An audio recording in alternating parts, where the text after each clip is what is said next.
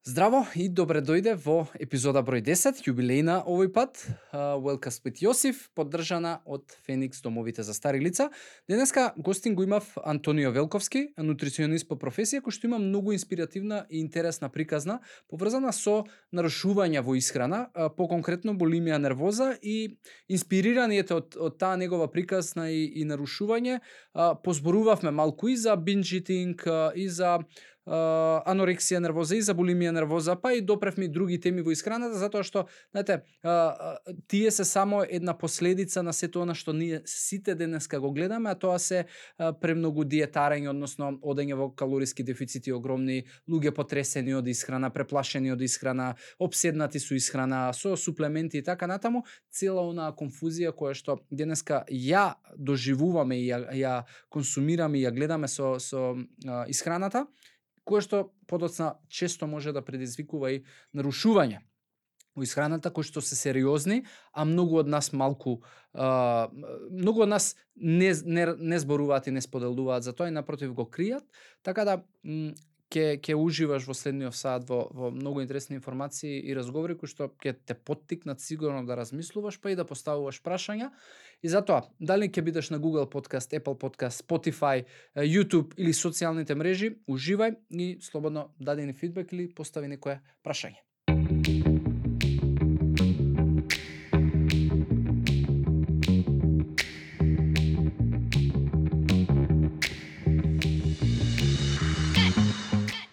Антонио, добре дојде и фала ти што ја прифати поканата. Да, и, и што беше многу едноставено прифаќање на поканата и договарање, макар што нели траеше тоа нашето договарање, ти не беше тука, ја не бев тука, но на крајеве се се се издоговоривме и се најдовме. Да, да, фала ти. Не, јас сум човек што му сака нели да да објаснува, да раскажува, така што а ми даде покана таква некоја, веднаш прифаќам.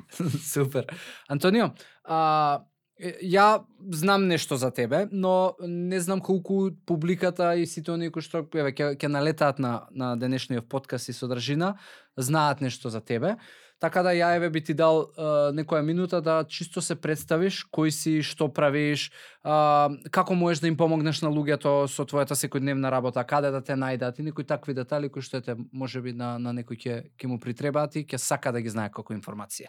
Да, значи работам како нутриционист веќе некои две години. Mm -hmm. На Инстаграм ако ме барате како ајде да јадеме, тоа ми е на некој начин заштитен бренд mm -hmm. и се обидувам позади тоа и како некој контент креатор да бидам нели на на Инстаграм, ако што комбинацијата да работиш како нутриционист и да создаваш контент за Инстаграм е малку сложена, ама некако сега за сега успевам, не знам до кога ќе ќе трае.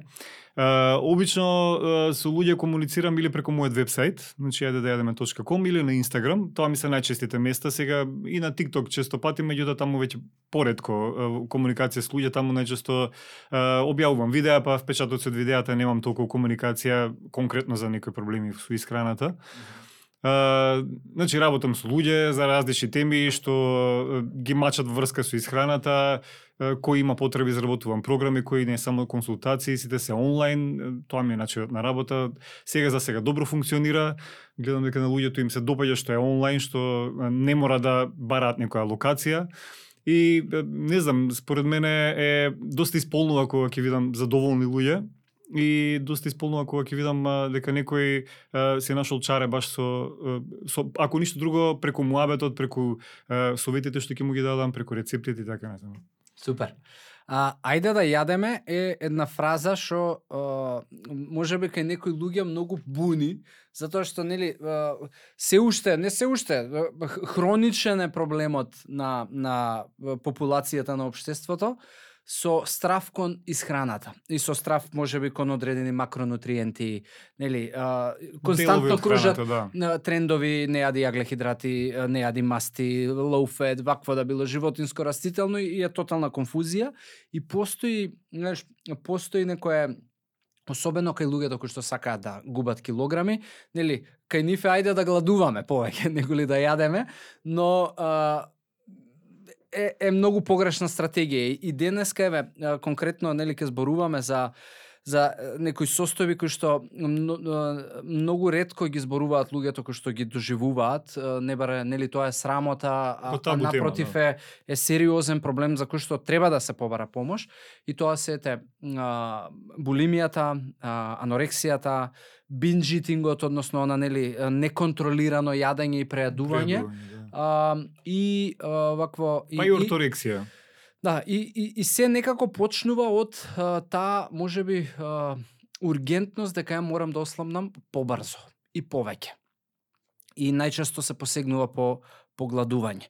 И јас знам дека ти имаш една приказна а, лична која што а, и се се соочил со со булимија и сега чисто вака хронолошки едно прашање можеш тоа да го да го инкорпорираш и заедно со твојата приказка а, што е што е прво у тој еден процес достигнување до болимија? Дали е гладувањето прво, па потоа можеби нели па преадување, па потреба да се да се повраќа па да стигнеш до до анорексија. Како изгледа хронолошки можеби еден една таква голгота? А, како изгледа вака, значи прво потекнува целата работа од самиот карактер. Најчести е, случаи на луѓе кои што се склони на на се на на булимија нервоза, значи, mm -hmm. се луѓе што или има некој степен на сам, ниска самодоверба или перфекционисти. Луѓе што си поставуваат преголеми цели, често пати се разочаруваат и, и нели во, во рамките на тие цели си ги поставуваат и границите со исхраната прво почнуваат со тоа како љубопитно да почнам со поздрава искрена и потоа оди тоа до други крајности. Тоа е главната причина, значи како карактерно, влијанието на околината. Нели гледаме денеска еден куп профили каде што се е, глорифицира е, слабо тело, преслабо тело, каде што а, се аплаудира на, а, на некој што издржал толку време со еден начин исхрана, со нејадење или не знам слично. Се до тоа а, не влие кај секого исто, меѓутоа има луѓе кај кои што имат подлога да влијае на, на начин на а, тој човек да почне да, да применува нели, диетарење, а, кое што полека преминува во екстремни граници, па дури и кон нејадење, сваѓаш од каде збор, името на мојот бренд да го наречам mm. ајде да јадеме. Значи се оди кон нејадење, пак сега нели следиме и други тенденции на интермитентен пост, па постење нели долги периоди на на нејадење, па на избегнување нискокалорична, не знам каква храна, храна што дебеле, што здебелува, што не здебелува, што има јаглехидрати и од тука почнуваат целите моабе, сите моабети. да. Значи тоа се надградува едно на друго избегнувам таа храна затоа што премногу здебелува, ја избегнувам таа храна затоа што не знам не е не е доволно клин, не е доволно чиста за да ја јадам. И постепено постепено си забрануваме се повеќе и повеќе и повеќе расте желбата да го прекршиме правилото нели со со исхраната. Е кога ќе дојде веќе желбата да се прекрши правилото, тука почнуваат епизодите на преадување и е, веќе може да се премине од фаза на анорексија е, нервоза кон булимија нервоза или директно само кон булимија нервоза или комбинација од двете. А кај тебе што се случуваше? Па јас мислам дека ги поминав си, апсолутно сите можни фази. А од каде почна тоа? Кога? Одамна беше? Uh, па одам, одамна. Вака, знаеш што, uh, искрено, uh, никоја нарушување во исхраната комплетно не исчезнува посебно не не булимија нервоза, значи не не не исчезнува комплетно, може да се појавува на епизоди, дури некогаш во некој начин на како траги. Кај мене како како почна целата целата работа, сега нема да спомнам, нема да спомнувам имиња воопшто. Да, да. Колку сакам да кажам колку луѓе од медиумите може да влијаат врз некој што ги гледа дома, нели? И затоа и ние како нутриционисти треба баш да пазиме како се изразуваме, а многу често гледам дека нутриционистите се поттикнувачи на тоа диетарење посебно на наша територија. А да, види, и у контекст на тоа, знаеш, и, и јас често, знаеш, коментирам на и на и на тренери кои што, знаеш, пред се го ставаат своето тело, своите сикспек, своите, знаеш, својата работа што е многу, знаеш, супер е ти да бидеш ентузијастичен и, и, и страствен кон активен животен стил, ама сепак треба да има некоја умереност и објаснување дека и ова не значи дека и твоја цел, дека ова е многу работа, многу напор, не е откажување од храна, не е поради задоволување на туги цели, пошто јас сум свесен и ја многу сум работел со луѓе, знам што предизвикува на, на другата страна. И особено па знаеш ако е тоа пропратено и со коментари од дома, тоа е па мислам дека убиствена комбинација кај шоу си се поправила, ама ти многу јадеш, ама ај, знаеш, ај малку стави рачна и така натаму и, и од партнер и так и, и тука веќе се комплицираат да, сериозно. Да, и си се поправил и си ослабел, може кај некого не знаеме каков ефект ќе остави, Uh, прво тоа, второ, кога гледаме некој, на пример од вежбачи или не знам кој да е, не, знае, не ја знаеме целосната приказна. Не знаеме баш дали тој вежбач за себе не ставил многу рестрикции, не знаеме дома дали не се прејадува. Значи, да, посебно ако е, е машко, па никогаш нема да признае. Значи, да не делиме нели сега на машки и на женски карактеристики, меѓутоа кај мажите посебно, а, нарушувањата во исхраната многу е тешко да ги признаат. Тоа е нели друг момент. Да го продолжам муабетов мојот предходно, а, значи беше гледав баш некоја како реално шоу, како серија наша докторка што ја снимала, нели? И не знам, наведуваше на веганска храна и не знам што и се одлучив јас да преминам повеќе кон веганство. И uh, си се одеше комплет добро, Предходно читав некои книги, затоа што баш сум по природа доста перфекционист. И е, тоа дури во крајни граници што е, баш и може да биде нервозно за, за другите. И е, преминав е, кон тоа да испробам со веганство, меѓутоа почнав кон некои е, екстремни варианти на, на веганството. И тоа добро ми одеше, едно 3-4-5 месеци добро ми одеше, се дека не дојда роден ден и слично, па почнаа од сите страни пици со туна, со не знам што. И тука ми беше и првото прејадување, ама тоа беше баш онака прејадување и реков никогаш повеќе. Ама почна некако се почесто и почесто останам нели баш типични оние карактеристики, останам сам или барам начин да останам сам за да се прејадам со храна баш со, со ресани или со или со круасани или не знам што, тоа што сум си го скратил, што сметам дека е нездрава храна, нели. и после оде во граници на храна што и претходно не сум ја ни јадал, нели, не сум ми се ни воодушевувал, почна и кон тоа на тоа ми се надоврза и нервози околу почнав факултетот, значи го почнав некаде кога беше 2015 не знам mm -hmm. кога на да речеме на постари години пак се вратив на учење на факултет што мене исто така стресот доста ми влие стимулативно за за јадење. За јадење, да. И е, факултетот се надоврза на сето тоа, стресот, учење тешки предмети што претходно не сум ги ни сретнал на анатомија, физиологија и така натаму. Се до тоа проследено со редовни епизоди на напредување, ама до болка во, во желудник. До душа само еднаш имав епизода на, на повраќање, не сум имал епизоди на повраќање. Меѓутоа, за булимија нервоза не е карактеристично само повраќањето, затоа што има неколку подкатегории така што јас не дојдов до, до, до таа категорија, меѓутоа ги исполнував другите е, услови и мислам дека баш ги исполнував условите на наизменично појавување на, на анорексија и на, на анорексија нервоза, значи не анорексија, анорексија нервоза и булимија. Е, така што ја добив баш она варијанта што е најчеста, мешана, е, мешано нарушување во исхраната. И како како како стана свесен дека пошто ве денеска нели зборуваш за тоа без да да си а, си свесен, што е супер. А, и е многу лесно човек дури да му се јавуваат епизоди да да ги контролира, али како како ти стана свесен и како се извлече?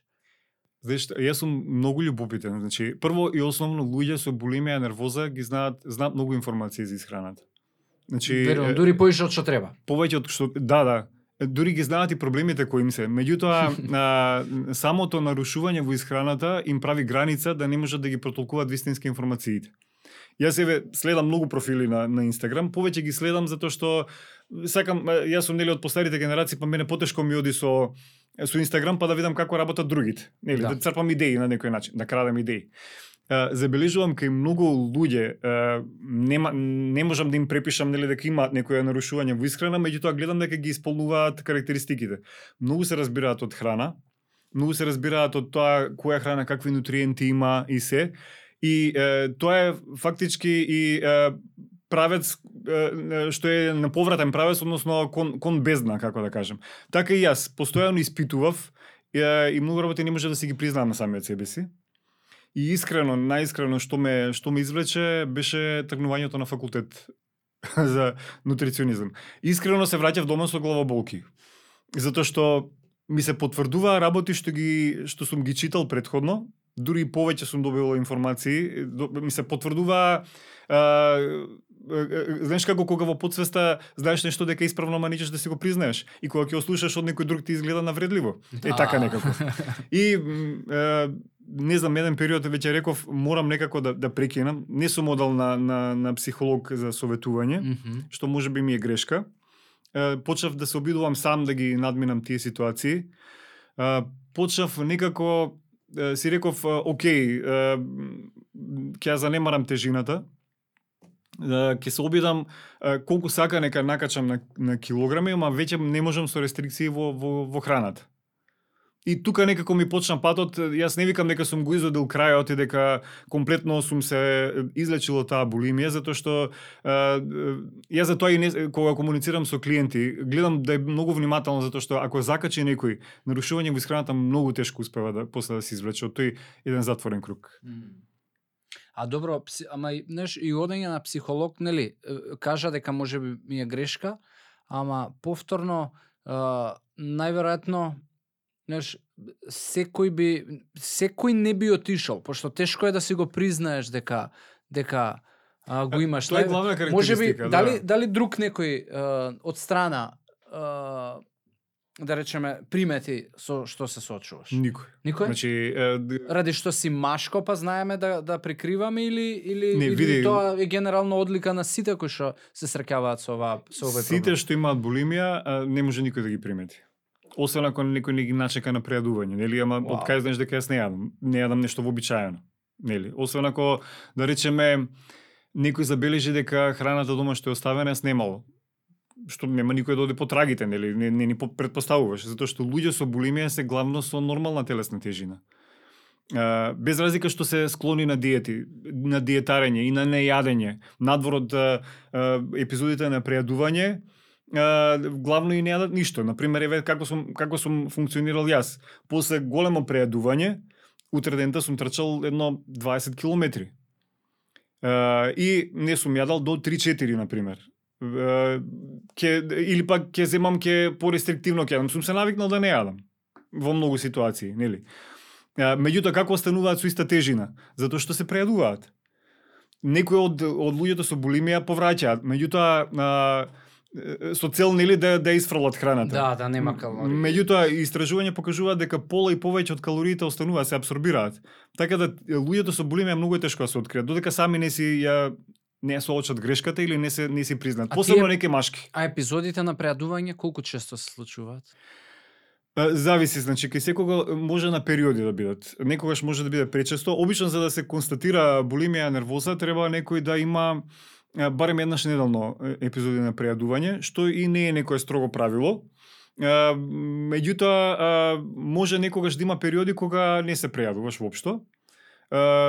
И да да бидат наизменични практично, а некогаш да биде и по два пати неделно, три пати неделно прејадување. Така да зависи е, какво расположение ќе те начека веројатно. Тоа е. А на мета што се случува со метаболизмот? Кои се штетите кои што таму се оставаат еве од овие од овие процеси? Uh, uh Прво и основно, значи со диетарењава, затоа што нели диетите секогаш се доста ниско калорични кај кај тие луѓе.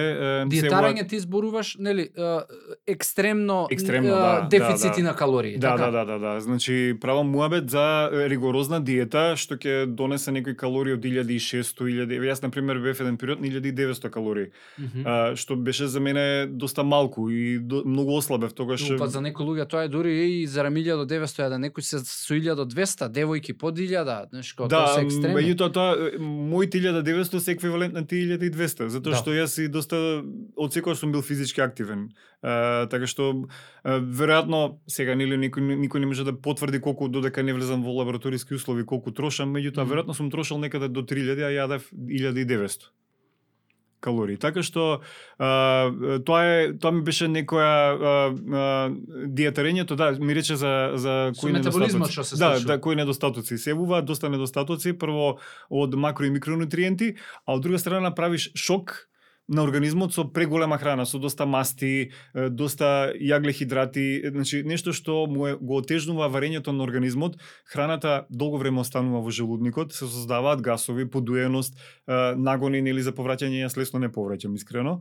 Значи едно измачување што може да доведе до а, доста нарушувања ако е пречесто, на пример, па дури и качување на и качување на холестерол и триглицериди дури го гледам како наивна работа.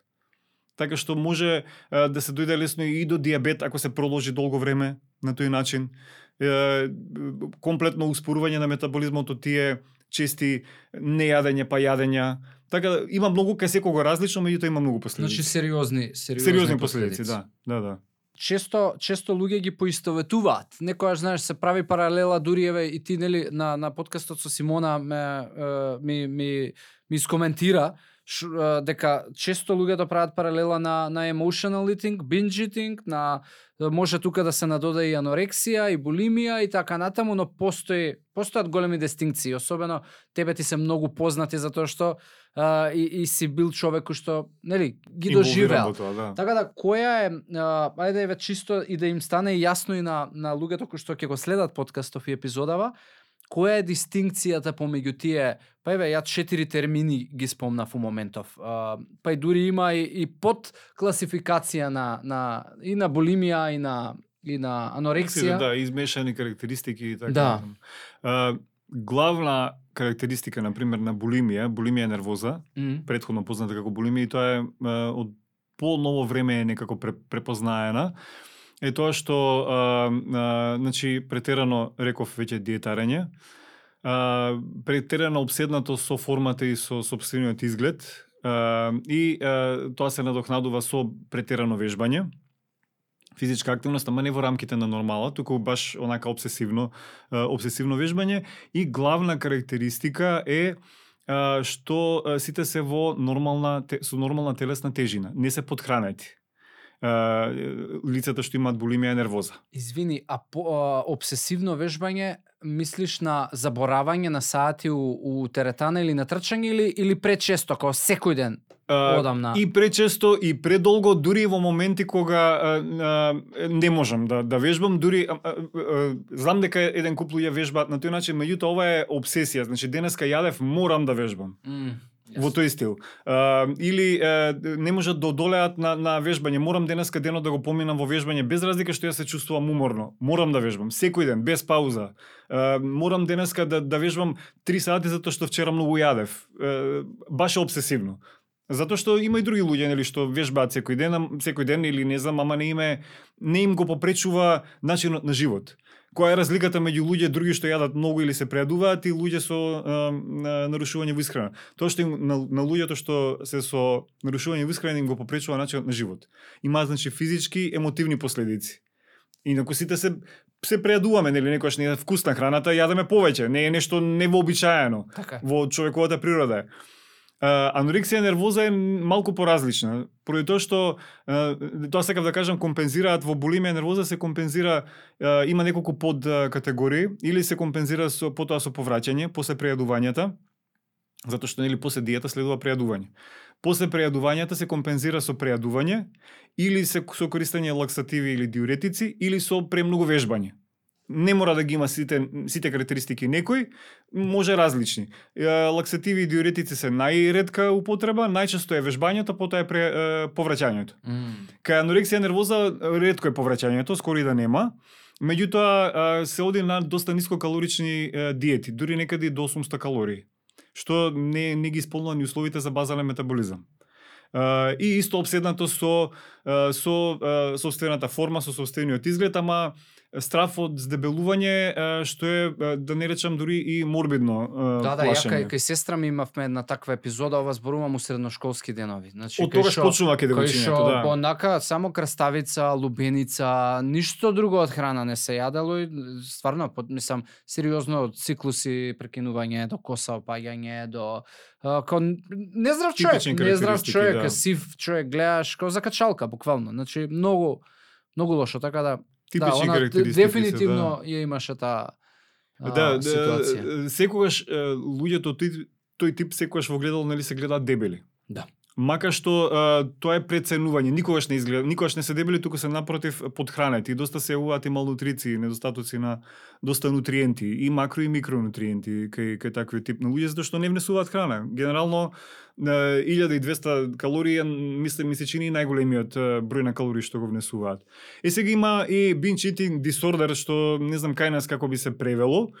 Тоа е веќе кај луѓе што не се загрижени за изгледот, ама имаат епизоди на прејадување, и потоа жалат што е така или не знам чувствуваат вина. Тие најчесто и не држат диети и најчесто тие се веќе обезни. Тие се веќе една друга категорија. Сериозно. со да најчесто и, и со, сериозен вишок на килограми се таа група. А uh, дали мислиш дека, а, знаеш, затоа што а, као ако го земеме како нарушување, Мгм. нели, во исхраната, дали мислиш дека подоцна од тоа нарушување си се надоврзува и, и, и тоа што дебелината самата по себе и тој, знаеш, и хормонално веќе си изместен и така натаму, дали и тоа се надодава на на овој binge eating, па знаеш, ти секако веќе нели имаш нарушување, ама плюс и од од хормони, инсулини, горе доле и така натаму, ти ти ти зголемува дополнително да дури уште повеќе да се прејадуваш можеби од тоа што и почетокот на binge изгледал у, у калориска вредност. Да, и недостаток на нутриенти, да. Например, еве кај анорексија нервоза, а, нели најчесто по а, анорексија сега нели не сакам да ме свати некој погрешно, меѓутоа луѓе што применуваат вегански и вегетаријански исхрана се доста склони на на на анорексија нервоза. Е, е, е, доста често избегнуваат, нели, тренд да се избегнуваат, не знам, јаглехидрати, спомнај ти претходно, или масти. Кога се избегнуваат масти, се избегнуваат и есенцијалните масти, пред се омега 3. Нели, ако одиме кон веганска исхрана, нема ни риба. А омега 3 доста влијаат и на недостатокот влијае на депресивно чувство. Депресијата потикнува е, бинч, значи прејадување. Прејадувањето потикнува депресија и тоа е еден затворен круг. Значи не е само а, диетата, туку и недостатокот на нутриенти во организмот. И сега најчеста комбина, најчеста е комбинацијата. Има и атипи, атипични нарушувања на исхрана, односно кај луѓе што не исполнуваат никој од овие услови комплетно. Например, повремено се прејадуваат, имаат ниска килажа, ама не се анорексични, не се прејадуваат толку често, ама не се ни булимични. Значи има некоја комбинација и ми се чини дека тој тип на луѓе се најчести Мгм. во тие мешани нели е, нарушувања во исхраната, уште има и не знам нарушување со ноќно јадење што се смета кај нас малку повеќе како вообичаено и орторексија што не е ни препозната како нарушување во исхрана, а тоа е претерано обседнато со здрава храна што исто така може да доведе до до прејадување. Една комбинација, мислам дека комбинациите на човек не мора да, да значи дека ако сега бил со анорексија дека нема после да развие булимија нервоза. Така да кога зборуваме за нарушување во исхраната, обично зборуваме за општи карактеристики, затоа што мислам дека ни самите лекари и психолози не можат баш да направат некоја строга граница. Јасно. А спомна вегетаријанци и вегани. А, ти ти а, ја прекина таа епизода со со веганството? Да. Да. А, затоа што сметаш дека не е здраво или затоа што сметаш дека на тебе ти влие лошо и те води можеби кон кон а, Па, второто. овие нарушувања со исхрана. Да, второто. Да, Затоа што знаеш, за веганството има има доста, мислам доста. За по мене и и по, и од она што нели од изворите а, научни кај што јас си си следам и си консумирам информации, е апсолутно а, здрав начин на исхрана Да, и да, добар начин на исхрана. Ако да. човек научи а, како да да си обезбедува нели макро и микронутриенти во доволен број. А, од друга страна не значи дека е нездраво ако не си веган. Така. Да. Што што знаеш и а, у моментов мислам дека има има такви две дв- две екстремни лобија кои што нели веганите кои што зборуваат дека ако не си веган е катастрофално, Да, а, и, и обратно. А, али еве чисто ме интересираше твојот став околу тоа затоа што и си си искусил а, а, веганство. Што е она еве што што би му препорачал на човек кој што ќе се пушти во тие води, затоа што некогаш луѓето се пуштаат, па и ја лично, и јас имам направено а, епизода од 6 месеци со веганство и тоа преку ноќ. А, као до денеска јадам и месо, и јајца, и, и риба, и млечни продукти, и се, и као, ајде од утре, пошто сум по природа, знаеш, ме интересираат овие Да, теми, да, да. а воедно и сакам и да пробам и на себе, а, да видам како ќе изгледа у пракса, за овој днина кој ќе ме праша некој да знам каде може да се клизне а, и што е проблемот. И, и се пуштев и у веганство Мгм. преку ног и тоа беше моја огромна грешка, затоа што тешко е преку ног да се откажеш од голем дел од животинската исхрана и да да у исто време си успешен во балансирање на исхраната, затоа што тие тие се губиш, знаеш, чекај сега не сме овај па како да го заменам, а често јадам надвор, многу јадев оризи, компири, граф, као надвор многу нема избор, знаеш, Нема дека што, не да. на, научиш и јас се поправив. М, 4 кила и, и, и после некое време прекинав. А, со, со тоа што знаеш и, и мојот став не е дека веганството е проблематично или не го бива, напротив. И ја знам кај ми се моите грешки, али еве а, тв, ме интересира и, и твојот став и кои се насоки ако човек сака да да преминува и дали треба да преминува, затоа што знаеш денеска има има пропаганда и промоција на веганството и многу луѓе сметаат дека нели окей, ја изгледа треба да преминам кон кон веганство. А, знаеш што, јас сум секогаш за тоа стои на мојот вебсайт, значи не јас сум секогаш за најголем дел растителна исхрана. А, сум за тоа, пропагирам а, и кога со луѓе Што значи соработувам. најголем дел? Ева од калориите, колку по тебе, колкав процент од калориските потреби треба да отпаѓаат на растителна? Па не знам, еве, кога би би пресметувал, значи некој 60% еве да речеме 70%, зависи кој колку може. Да, да, и, и ја имам некоја слична филозофија на 60 на посто растителна исхрана. Сметам да. дека е сосема сосема доволно. А, веганската исхрана со научни докази е докажано дека е добра, нели? Точно. И тоа за сите возрасти. Колку и ние да мислиме сега, не знам, мене ми се спротиставуваа нешто на на Инстаграм за деца не била препорачлива. Ако добро се испланира за секој е препорачлива, ако детето прифаќа таква храна. А, меѓутоа тоа е друг муабет веќе. Мене ми беше доволно а, тригер ограниченоста во храната. Или може би ми беше тригер тоа што пак ќе речам сум перфекционист по природа, па премногу се ограничував и во еден момент навистина сватив дека веќе не можам да да да јадам една иста храна и тоа што викаш премногу ориз, премногу компир, јас денеска на пример веќе не обожавам ориз и компир. Што претходно ми биле умилени. М. Мислам не дека нема да ги јадам, ке мене се поминува, нема нема храна што не ја јадам, ама ми досадиле веќе. Не можев дури еден период и, и комплетно ги избегнував. А, така да мене тригер ми беше ограниченост. Uh, сепак uh, веге, веганската и вегетаријанската исхрана се доста uh, рестриктивни. Кој може, секој може, може некои диети обични да држи без никакви последици. Се е до карактерот на човекот. Така што ако некој може без никакви последици, без обседнатост со храната да ги да ги држи тие а, да, типови на исхрана и како што рече ти да може да да си ги снабди сите макро и микронутриенти, тогаш е сосема во ред. Меѓутоа, ако во еден момент се види дека се забележи дека се јавува една обседнатост со тоа што ми недостасува, сакам да го имам, сакам да се тогаш нема поента.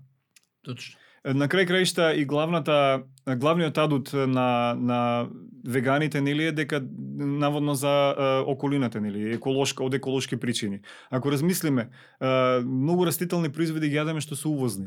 При увозот на на растенијата што не ги што ги нема кај нас авокада, банани и слично, исто така се загадува е, околината. Така што не можеме да правиме дистинкција дали јас повеќе придонесувам или е, како веган или некој што е месојад повеќе придонесува за е, да се загадува средината, нели како адут, зошто нели преминуваме како вегани. Да, да, да. Е, сега да, тоа друг е веќе муабет е- многу фи- многу длабока Да. тема и нема нема Нема правилно поента, и, да, и, нема и поента да се дискутира. Единствено еве да речеме заштита на животните, меѓутоа сите да се потрудиме со малку повеќе растителна храна до таму дока што можеме. Ако веќе ни станува тригер за е, некакви нарушувања што ќе ни остави понатаму големи последици, тогаш нема поента. Да, и за и за став ај налет више не можам и тоа ако Да, те да. донесе до таму нема нема поент. Јас истиот мобил го правам за ме прашуваат нонстоп за интермитентен пост. За повремен пост тој оној од 16 Да. часа гладување, 8 часа јадење. Дали е добар? И сега не можам јас да кажам додека не те запознавам. да. Затоа што а, ако ти доаѓа природно да не јадеш 16 часа, тоа е окей. Нели, супер. Меѓутоа, ако ти гледаш на саат и после тоа зимаш се прејадуваш и тоа тебе ти е поттик за да земеш да изедеш огромна количина на храна, да испереш гревови. Да, а, или да чекаш од двај готово еве сега ми е времето за јадење, тоа што нема поента. Која е поентата на тој интермитентен пост? Така што јас така лефтерно не ги препорачувам или скокнете оброк. Скокнете оброк за да ослабете. Па јас откажам дека нема да му делува на тој човек, кога ќе му препорачам така дека нема да му делува следниот оброк да се испрејаде и ако тоа му го кажам да го применува секојдневно дека нема да го доведам до булимија. Тоа се последиците реално. Додека не го познавам човекот, не можам туку такви лефтерни нели муабети да кажам. Да, да, па и затоа е таа пандемија на на дебелина, на, знаеш, и, и некогаш и самите а, промотори на здрав начин на исхрана, кој што спомна и на почеток нутриционисти, тренери и така натаму, несвесно ги ги т- Тоа ми е. ги поттикнуваат тие работи затоа што знаеш ако ги гледаме луѓето ти често сигурно се среќаваш со луѓе кои што веќе на пет столици седеле пред да, Да, дојдат да, кај да. тебе. Така пет диети пробале, веќе се такви. изфрустрирани, измачени, у ништо не веруваат, почињаат со филозофијата на на ете на можеби влегле веќе во некое нарушување или имаат филозофија дека а, не знам, а, изгледа ја така сум предодреден, предодредена генетиката ми е, џабе се трудам, ќе си бидам вака Немам и доволно така. волја. Да, и, и се јавуваат такви проблеми, али дефинитивно еве, знаеш, колку повеќе се зборува за тоа е подобро. Али еве, пошто почнавме со веганството, кој е кој е а, твојот а, дали човек треба да да можеби постепено а, влегува во во а, нов начин на живот, а не преку ноќ сечам со нож и почињам. Еве, Без разлика, не мора да биде веганство. Зашто и да е? Да. Зашто и да? Е, Прво, јас би рекол да се информира секој, секој што сака да направи некаква промена на на исхраната, значи да видиме тоа што ќе го исфрли, како ќе го замени или тоа што ќе го додаде како би му делувало, да се информира добро. Нели не мора секој да земе да чита сега студии, има нутриционисти што го, работат тоа или е, не знам, нека на некој начин да се информира, да не се впушти. Еве што се прави со постите кај нас? Нели еве сега помина е, великденските Верските? пости. Верските, Добро. да, верските пости, великденските. До денес се јаде, не знам, месо свинско, секакво, од утре сум од утре сум на пост. Па ми се врти памет или не знам што. Не може тоа така со, со храната, треба постепено. Или постот се држал 7 недели, па сега дошол Великден, па јадеме јагнешко, свинско, пиеме алкохол, не знам што, а 7 недели сме го оставиле организмот на постна храна. Тоа се големи екстреми што може да придонесат, пак ќе речам, покачувањата на холестерол и триглицериди и слично се само мали последици што може да доведат до до седото, тоа. Може во моментот да се случат несакани последици. Така што секој премин кон некаква исхрана или консул, по консултација со стручно лице да биде или предходно со добро информирање и постепено. Антонио, супер вакво, мислам, баш ми е драго што ги отворивме овие теми и а, тоа значи по ова што ми го зборуваш ти дека практично и твојата работа со луѓе не е шаблонска, темплейт. Еве, еве мојата диета. Бам, Не од да сабајле биде. ова, од сабајле тоа, туку мора да да седнеш и да разговараш со човек, па дури и да му го наситиш карактерот, така. И, и биоритамот дневен, како станување, легнување, како да се обврските, пошто ако му речеш ти на некој слушај, ти а, ќе имаш оброк, нели, пост интермитент пост прави и у еден треба да ти биде оброкот, а него денот му е со состаноци преку глава што треба со кутивчето да да да јаде. Да. И и а, најчесто ти се обраќаат луѓе со покачена килажа или луѓе со можеби метаболни проблеми, нарушувања или а, со здравствени проблеми. Која е групата која што најчесто ти се обраќа? Јас Ако Искрено постои не се, да, не се декларирам како нутриционист за слабење и веројатно и за тој не ни привлекувам нешто многу такви луѓе, Добро. најчесто со здравствени проблеми. Најчесто со здравствени проблеми, многу често со со дигестивни проблеми. На Па и тоа е една пандемија денеска. Кој Е. што луѓето, знаеш, некако затоа што се навикнати да си живеат со тоа, секојдневно сум подуен, секојдневно имам Да, киселини, да, да. секојдневно као на три дена одам у тоалет и живеам со тоа и некако дури не ни се свесни дека е сериозен проблем. Да, А постои? најчесто е, најчести ми се тие случаи. А, исто така доста со со хиперинсулинемија е сега ми се чини и баш е, е, читав е, книга една вика ако одберете случајно одберете 10 луѓе, тројца сигурно ќе бидат со покачен инсулин или со преддиабет или така што не е не е реткост да ги да се да се најдат. Во секој случај доаѓаат доста често луѓе што имаат некакви здравствени проблеми И е, јас со сите сум доста внимателен баш од овој аспект, нели?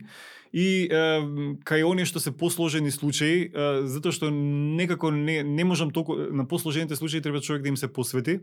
На некои што се навистина екстра сложени случаи, како, како на пример со кронова болест или со уцерозен колитис и слично, на тие повеќе им се им давам совети е, и обично ги правам тие совети бесплатно не изработувам програми за за толку комплицирани случаи чисто затоа што треба да се, да се следат, а не би сакал да ветам нешто што не можам да го исполнам. Да, што е тешко да се контролира. Тешко е да се контролира затоа што сепак а, имам доста доста да, и клиенти и други обврски, нели е, одржувам и профил и страница и и семејство и така натаму и не се чувствувам подготвен да следам некого до толку. Меѓутоа за за совети сум секогаш отворен. Посебно кај тие што се покомплицирани случаи, баш би сакал и тие се всушност и најблагодарни на крај кога ќе видиш. Да. А што е пошто спомнаеве дека најчесто си се обраќаат со со проблеми. Ко, а, има ли а, дали препорачуваш суплементи а, консумирање? Често ова прашање го поставам еве со гости кои што може би имаат некаков допир со со исхраната како нутриционисти или тренери,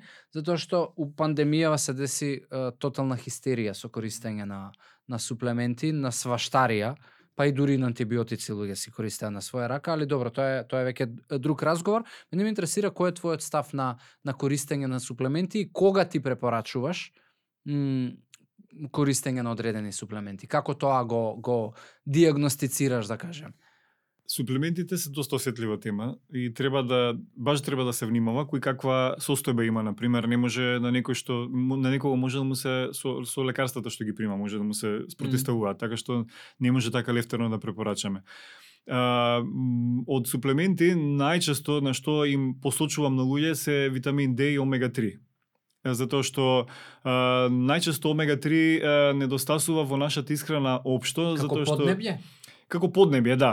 Општо значи не се прво значи или риба не се конзумира или не се конзумираат овие растителни е, извори што и не се баш многу не можеме баш многу да се подпреме на растителните извори на омега 3. јатките? На јатки, да, на Да. јатки, на семки затоа што содржат друг вид на на омега 3 кис, масна киселина алфа-линоленска Да. која што е, потешко во организмот преминува во До епа и деха. 8% ако се моите До некои десетина Да. проценти. Како и да е. Таа може да биде дополнение на вкупната исхрана, не може да биде нели основен извор. Меѓутоа, кај здрави луѓе лесно може омега 3 да се надополнат и со јадење два пати неделно мрсна мрсна риба. на пример лосос. Е сега, ако има проблем некој со со хипертензија или да речеме некои други е, слични проблеми, тогаш веќе одиме со нешто повисоко или некој воспалителен процес со повисоки проценти на на омега 3 и тогаш им препорачувам суплементи затоа што не може да се достигне, не може човек секој ден да јаде риба. Нели, затоа што потребни се на тие луѓе некаде и по 1000 и по 2000 милиграми е, омега 3 што е тешко да се достигне само со храна, е, освен ако некој баш не обожава риба, па секој ден само тоа да јаде. Нели, што не е изводливо. Што ќе му здосади. Да, не е изводливо. Прво ние не сме подрачје каде што имаме море па да е толку и ефтина морската храна сепак, нели. И е, суплементите се најдобро решение. Со, од со, со подуе, еве, со, со дигестивни проблеми, сега тоа е многу широк поим, ама а, а, мислам дека подуеност и киселини се нај, најсраќавани? Или, или грешам? Тука нека си, да, да, од различни причини се, меѓутоа да, најчести се. Таму суплементација некоја препорачуваш? Зависи, затоа што може, зависи кој дел од дигестивниот тракт нели е, е зафатен, да, да речам. Обично предлагам да се испита uh, B12, uh, ниво на B12, затоа што тоа може да биде проблем. И исто така абсорбцијата на железо, ако е зафатено тенкото црево, може абсорбцијата на железо да е намалена. Меѓутоа само од кога ќе од кога ќе видам анализи конкретни, тогаш да, тогаш би би одредил дали треба да прима некои суплементи или не. И пак сепак би препорачал во консултација со лекар додека пак оние што се другите како калциум, како што луѓе си ги пијат често пати нели како бомбони или цинк или не знам што, искрено јас не ги препорачувам. Калциум единствено да видам на анализа дека е намалено нивото, тогаш би го препорачал, до сега не ми се случило да препорачам на некого. Uh, единствено може пребиотици да да препорачам на некого затоа што посебно тие што се со хипертензија а, им препорачувам или тие што имаат повеќе дигестивни проблеми, зависи какви, да не да не нели да не генерализирам за сите. Така што зависи од човек до човек. Јас сум за Се индивиду... ствари индивидуализирано треба да биде. Како не по- треба да, да, биде тие како се- од сабајле пијам витамин С, Б комплекси и цинк и магнезиум и свашта затоа што Зошто луѓе не е потребен витамин С ако јас јадам многу зеленчук и овошје? Која е причината? Која ќе ми кажат пијат огромни дози на витамин С. Која е причината да пијам толку витамин С? Има потреба. Ако јас доволно внесувам а, овоше, овошје, зеленчук, немам потреба од тоа. Освен ако нели а, да речеме а, има случај на на а, намалено железо, нели, на анемија, па да мора некако да се, се мора да се пијат суплементи, па да, да ги придружиме со суплемент витамин С, макар што и тогаш нешто многу долго не го препорачувам, не би го препорачал, повеќе со храна би одел, меѓутоа во други случаи зошто е толку потребно витамин С да се пие? Нема потреба, ако храната е окей. А што значи доволно овошје зеленчук? Еве, у, чисто као у порции или у парчиња, као што би значело од прилика? Зеленчук вака, значи, прво како почувам со луѓе, е, најчесто, зависи колку се подготвени, гледам да имаат барем во еден оброк е, свежа салата. Не, не инсистирам, зависи, ако има некои дигестивни проблеми, не мора да е свежа, може да е издинстан зеленчукот, ако може да го поднесе. Нели? А, еден до два оброци да бидат, да речеме, со зеленчук. Да се вметне и по некоја овошка, да речеме, две, две овошки, три овошки, зависи од калорискиот днес. Сега не, не можам да, да кажам вака на памет. Uh, доста uh, пропратено тоа со житарки, со мешонки, пак ќе речам, колку дозволува uh, самата состојба, uh, здравствена состојба на, на клиентот. Да, чисто ова, знаеш, прашањето поише ми беше не за сега да им дадеш препорака на луѓе во како треба, туку а, у смисла затоа што многу често нели слушаме треба да се јаде овошје и зеленчук, треба а, доволно да се јаде и тоа доволно некогаш има луѓе кои што повторно го врзуваат у крпче И јадат и, премногу. и јаде као ме разбираш, ќе изеде кило овошје денеска или ме ќе излезе ќе изеде 6-7 парчиња на, на, овошје или ќе направи смути горд дури дека направил смути, у смутито нели набутал секакви овошја, брусници, А чуда. може има проблеми со покачен инсулин. Да, и, и прави бомба у телото. Да, или Така да, па, чисто ради или тоа. да, или некој на пример има не знам, дигестивни проблеми од типот на иратебилно дебело црево, па ќе направи огромна салата, па после има проблеми. Не, не можеме туку така да да одредиме сега колку, меѓутоа, еве, за за здрав организам кој што за здрав човек кој што сака да воведе малку повеќе поздрава храна, макар што јас го мразам тој термин, да, да речеме понутитивно богат или повеќе зеленчук, да се почне со еден оброк со свежа салата, што ќе биде или придружуван со свежа салата или со обарен зеленчук, зависи како може да го поднесе. Еве тоа да би било добро за почеток и да речеме неколку овошки, две овошки на ден како за старт. Па зеленчукот после може да се зголеми колку што може да се толерира понатаму. Кај секого е индивидуално. Не можам да дадам општи препораки, затоа што луѓе знаат да речат го слушав тој нутриционист каже на телевизија, сега тоа го правам, ама не можеме додека не се запознаеме, јас не можам да или некој кога ќе ми пише на порака, вака ми е, така ми е и сега, ама јас не се не те познавам за да ти дадам точни препораки. После ќе биде лошо протолкувано. Ми кажа нутриционистот, ама мене не ми функционира. Додека јас не се видам со некого точно да да направиме муабет, не би можел конкретни препораки да дадам. Да, супер. Мислам и, и, и за поздрав ти е, ти е пристапот, затоа што, знаеш, поразлично ако дадеш совет, на, најверојатно поише ќе одмогнеш него ли што Да, ќе да, да. што ќе помогнеш. А Ај вака, да, ако постои, нели, да доста зборуваме за луѓе со покачена килажа или со проблеми, човек кој што е без проблем. Мгм. Така, и најчесто луѓето сме без проблеми до одредена возраст, кај што акумулираме, нели, многу години на погрешни навики и животен Да. стил, па почињаат полека да се, се палат цијаличките и алармите. Али во одреден дел сме здрави и и а, како а, колку оброци од прилика треба да има еден една личност која што ете за да се одржува во во добро здравје, добра состојба а, и, и изглед а, како би требало ете да да изгледа? Дали дали постои според тебе правило на на два или три оброци е правилно или пет оброци е правилно?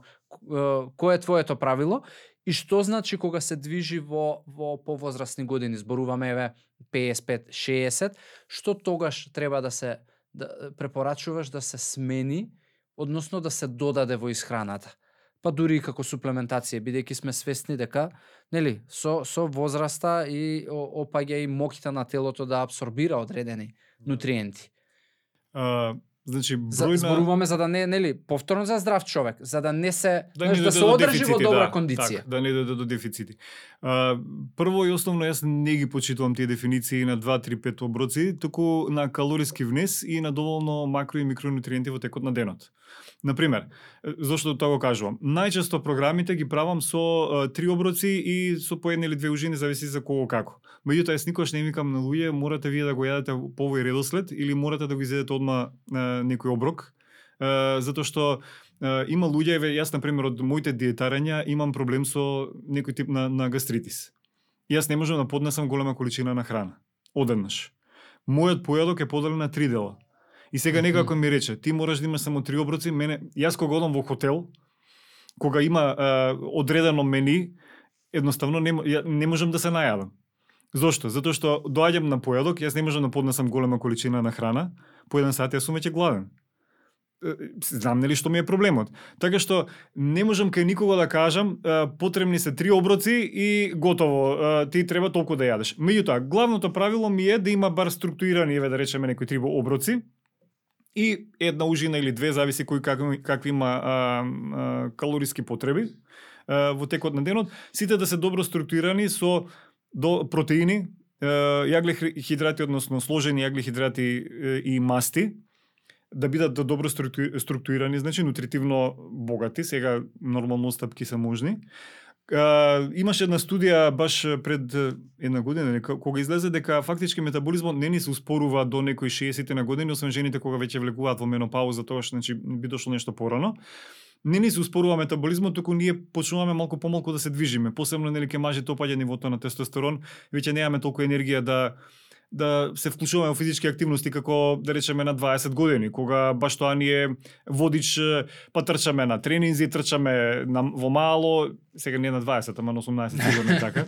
На 20 веќе луѓе се соработни обврски, ама пак уште ги држи нивото на тестостерон, за разлика од тие што се еве како мене над 40 години. Uh, сакам да кажам, значи до некоја возраст метаболизмот не се успорува, туку ние се забавуваме со движењето. Истото треба и калорискиот внес да се намали. Е сега, како се оди кон постари години, треба многу да се внимава на на протеини, затоа што доаѓа ризикуваме веќе од од саркопенија, односно паѓање на мускулната маса. Кога ја упорно тоа го повторувам, мускулна маса не мислам само за вежбачи, не име потребна само на вежбачите, да. туку име потребна на сите значи доволен внес на протеини. Протеините не одат во градба само на мускулите, одат и во градба на внатрешните органи, и на, и на хормони и така натаму. Имаше еднаш коментирав, трчам од една на друга тема. Ако? Имаше на некој оброк, не знам некоја девојка што следам на Инстаграм, викам, ам немаш доволно протеини. Чисто го искоментирав. И ми вика, па јас вика не сум вежбаш за да имам протеини. Да. И си викам, кога некој не ме прашал, зашто одговарам, нели? Да се објаснувам. Не, протеините не се само за вежбачи, протеините се за сите. и потребни ни се во доволен процент. Како се дека постари постара возраст треба да се внимава значи на внесот на протеини за да не дојде до опаѓање на тоа мускулно ткиво кое што опаѓа, секако опаѓа, меѓутоа да не дојде премногу. И е, нели пропратено се до тоа со физичка активност, постарите лица би требало да внимаваат малку повеќе на посебно посебно жените кај кои што веќе нели нивото на естроген опаѓа со влегувањето во менопауза, да внимаваат на калциум, да внимаваат сите општо и, и мажи и жени на B12, затоа што абсорбцијата на B12 веќе не е толку голема. Почнува абсорбцијата, почнува, фактички B12 го примаме ние заедно врзан за протеините во храната.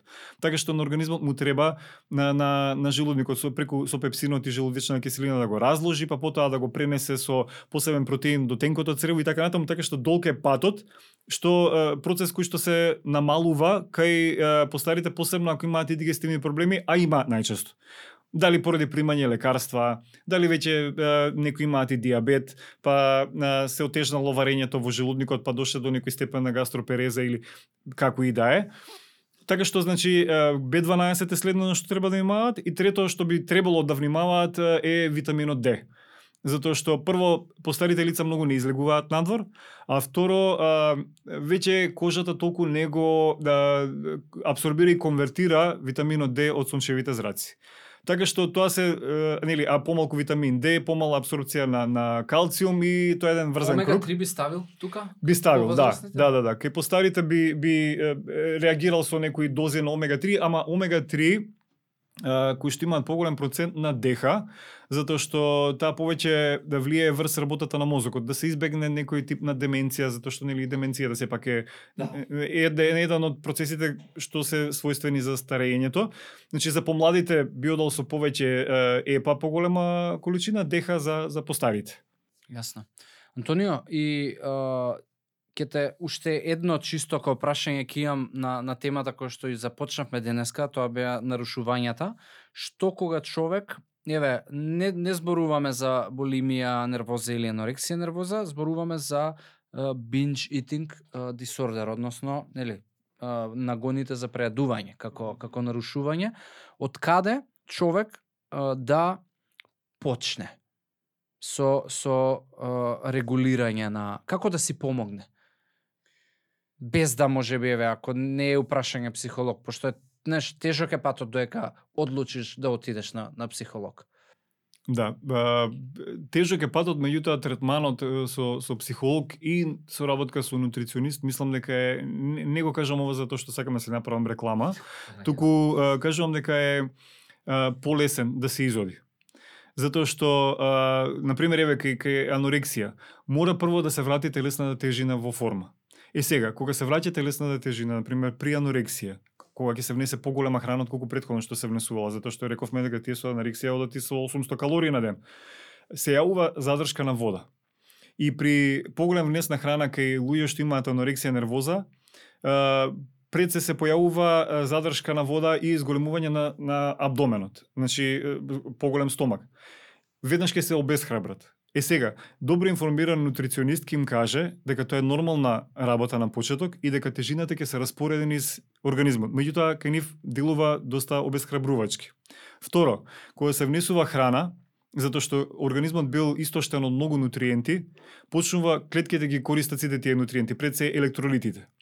Е, односно серумската серумското ниво на доста минерали опаѓа, што може да биде кај некој доста сериозно. Како би се постапило?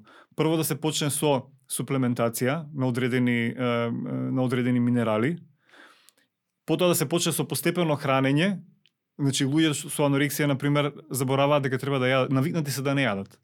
Значи со јадење, ама а, механичко јадење да се почне. Значи со подсетување на два часа. Значи баш да се стави аларм. Тоа не знам дали некој би можел самостојно да го да го направи. Затоа и го кажувам дека треба соработка со нутриционист. Значи механичко хранење додека тој човек е, да почне да чувствува глад да почне да му чувствува да му функционира организмот правилно. Кај кај булимија нервоза, на пример, првично да видиме кои се тригерите за за прејадување, за бинч, зошто доаѓа до тоа, нели? Второ да се запознаеме кои се е, кои се последиците од, од тие циклуси на прејадување и држење диети. Uh, понатаму uh, не знам да да да се да се разговара за тоа како uh, како функционираат мал, малнутриции, нели недохранетост како влијаат. И во едни различни фази, на пример, не можеме сега човек прв пат дошол со булими, јас сега зимам му кажувам колку е лоша диетата, така ќе ми рече гото, мене не ми гајле ти што кажуваш. Треба во едни одредени фази тоа да се да се да се спроведе. Така да пак ќе речам, не знам колку луѓе би можеле сами да си помогнат, ама може би со добра информираност и со искреност кон себе си, затоа што често пати не сме искрени кон себе си, треба да го најдеме проблемот каде е, да видиме кој е основата на проблемот, дали е недоволна само, самодоверба, дали е нешто друго, дали е некој кои ни се тригерите да си ги најдеме. Може би ако ги најдеме тие тригери, ако добро навлеземе во себе си и почнеме да се навикнуваме да го имаме вистинското чувство на глад и на ситост да видиме, па јас сега не сум гладен зашто морам да јадам. Или таа храна не ми е забранета мене. Зошто мене ми се чудо зошто ќе речам дека е дозволено и чоколадо. Зошто е дозволено и чипс? Дозволено е. Затоа што јас кога знам дека таа храна не ми е не ми е забранета, не ја ни посакувам кога ќе ме прашаат, јас не губам контрола пред нутела. Добро, ја јадеа секој ден. Додека не ти досади. Чисто да на, мозокот да му Да. кажеш дека дека а, ја имаш на располагање.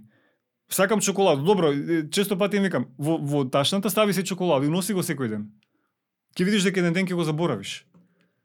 Значи тоа се некои мали техники како би можеле самостојно да си помогнат луѓе, нели? Сега кога ќе успее пак ќе речам не знам, Па најверојатно не.